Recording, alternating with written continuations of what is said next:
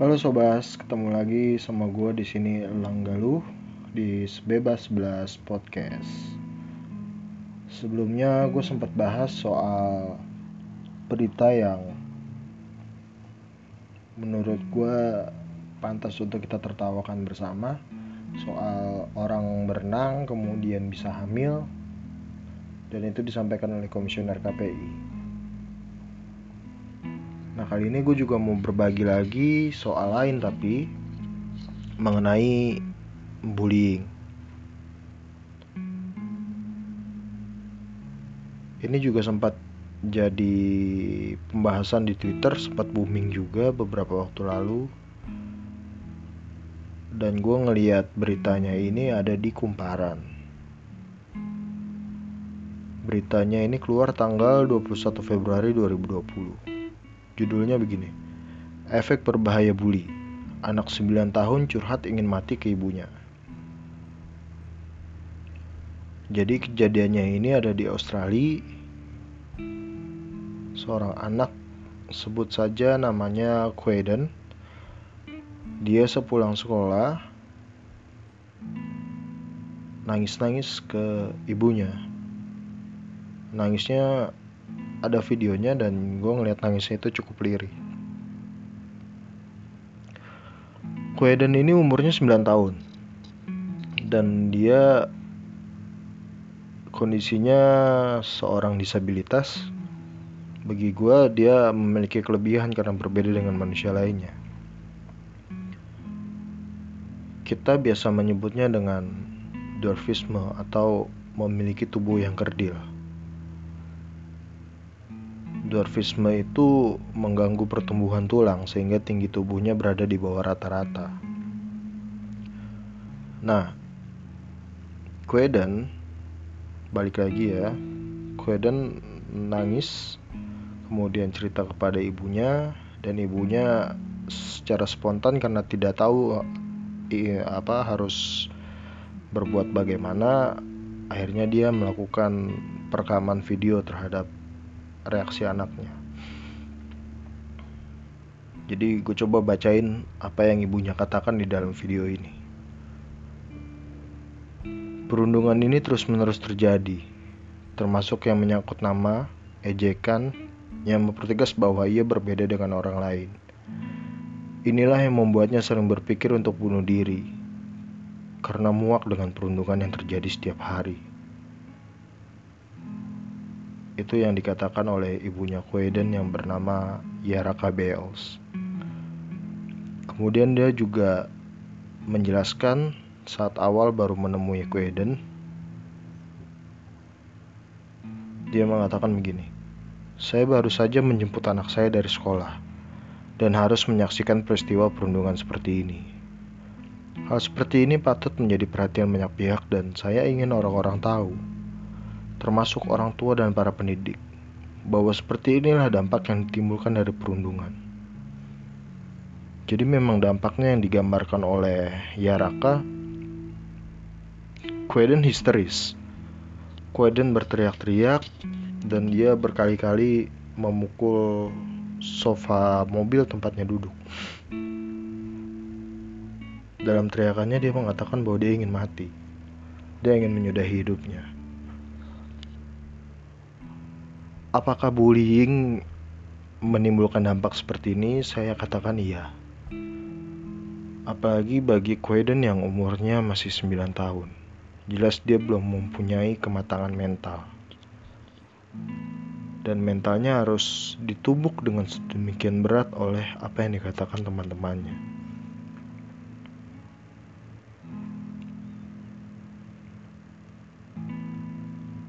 Beberapa waktu lalu juga terjadi peristiwa bullying di Indonesia, tepatnya di Surabaya, melibatkan empat orang pelajar satu orang pelajar perempuan sebagai korban dan tiga orang pelajar laki-laki sebagai pelaku dari bullying.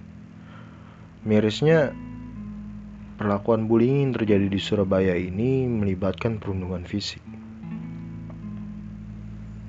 Nah, kalau begini siapa yang harus disalahkan? Bagi saya yang harus diperhatikan dalam peristiwa bullying kepada pelajar ini, yang pertama tentu adalah pihak sekolah. Saya tidak bermaksud menyudutkan lembaga pendidikan, tetapi tentu pihak sekolah sebagai tempat kejadian perkara harus lebih lagi memaksimalkan proteksi terhadap anak-anak yang dianggap memiliki potensi mendapatkan perlakuan bullying. Guru tidak bisa 100% mengawasi mereka, tapi minimal, minimalnya ada proteksi khusus kepada mereka. Ada perhatian khusus yang diberikan. Ada rasa kasih sayang lebih yang diberikan.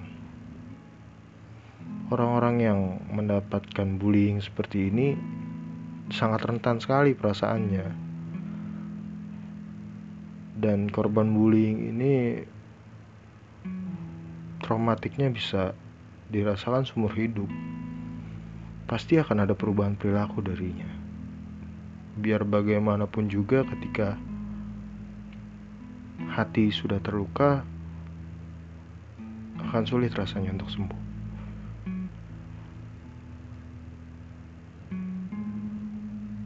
Nah, kemudian apa sih kira-kira yang bisa kita lakukan kepada korban bullying?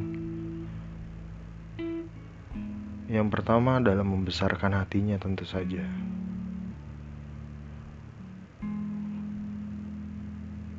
Contoh sederhana, kita tidak bisa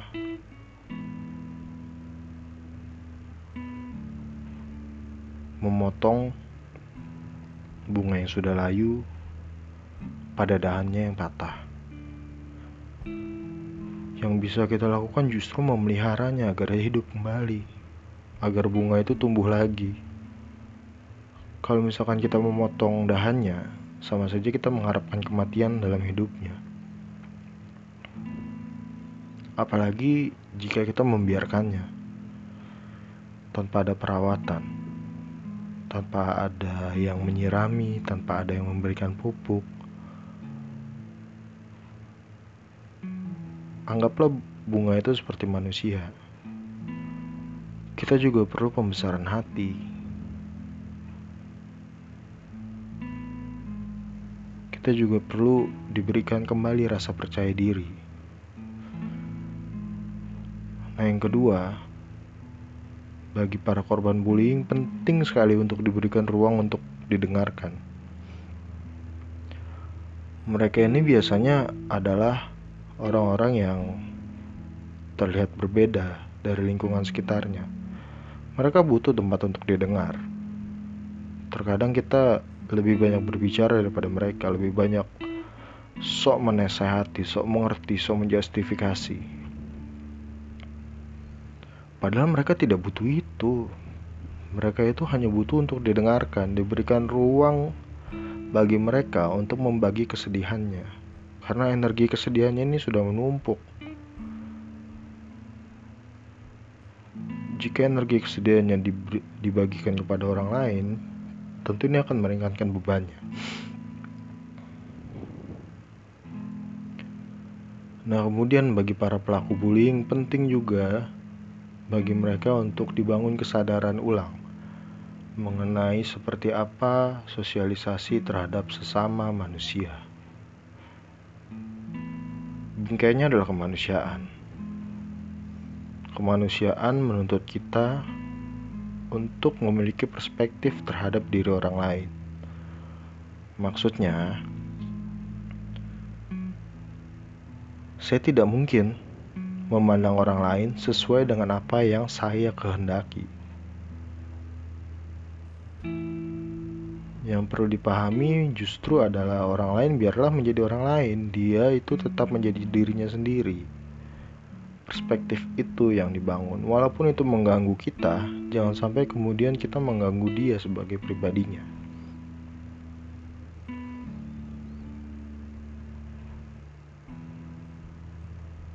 Yang kedua adalah penanaman rasa untuk saling menghargai. Ini penting. Persoalan bullying ini terjadi akibat karakter dasar manusia yang selalu ingin mendominasi. begitupun itu dengan manusia lainnya. Jadi secara otomatis ketika mereka melihat orang lain yang berbeda yang dianggap bisa didominasi karena mereka memiliki kekurangan daripada orang yang berperilaku bullying ini mereka akan tidak segan-segan untuk mengintervensi perasaannya, mengintervensi perilakunya dengan tindak bullying tadi. Bahkan mereka bisa saja melakukan perundungan secara fisik seperti yang terjadi di Surabaya itu. Nah, jika ada rasa saling menghargai, kita jadi berpikir ulang kan bahwa orang yang lemah seharusnya ya kita hargai dia sebagai sama manusia, harusnya kita lindungi. Bukan justru kita taklukkan, bukan justru kita dominasi. Walaupun kemudian alam bawah sadar kita mengatakan bahwa orang ini harus didominasi, harus ditaklukkan, harus bisa menjadi bahan tawaan, bisa menjadi bahan candaan.